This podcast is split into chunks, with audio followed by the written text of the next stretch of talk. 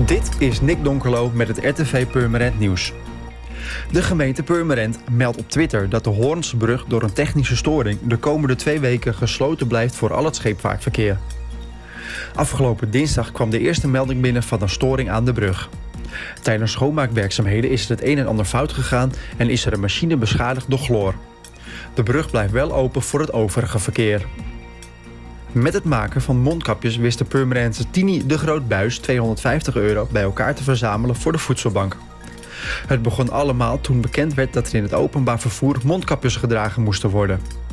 De Grootbuis haalde daarop haar naaimachine van stal om mondkapjes voor haar dochter, schoonzoon en kleinkinderen te maken. Het maken van een mondkapje kost ongeveer drie kwartier en uiteindelijk wist de Grootbuis er 70 te verkopen. Daarnaast kreeg ze enkele losse gelddonaties voor de voedselbank. De geschiedenis van de Tweede Wereldoorlog staat op zaterdag 25 juli centraal tijdens de oorlogswandeling door het centrum van Purmerend. De wandeling vindt plaats in het kader van 75 jaar vrijheid. In samenwerking met de stadsgidsen van het Gilde gaat het toch van anderhalf uur langs markante oorlogspunten in Purmerend. Het monument op de Kaasmarkt, maar ook de woning aan het Venediën waar Johannes Colijn in de zomer van 1944 zonder pardon werd doodgeschoten omdat hij anti-Duits zou zijn geweest.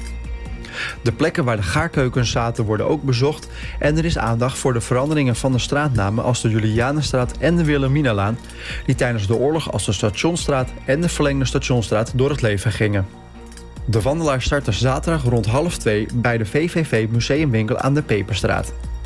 Opgeven kan via het mailadres wandelingen.permanentsmuseum.nl voor meer nieuws, kijk of luister je natuurlijk naar RTV Purmerend, volg je onze socials of ga je naar onze website www.rtvpurmerend.nl.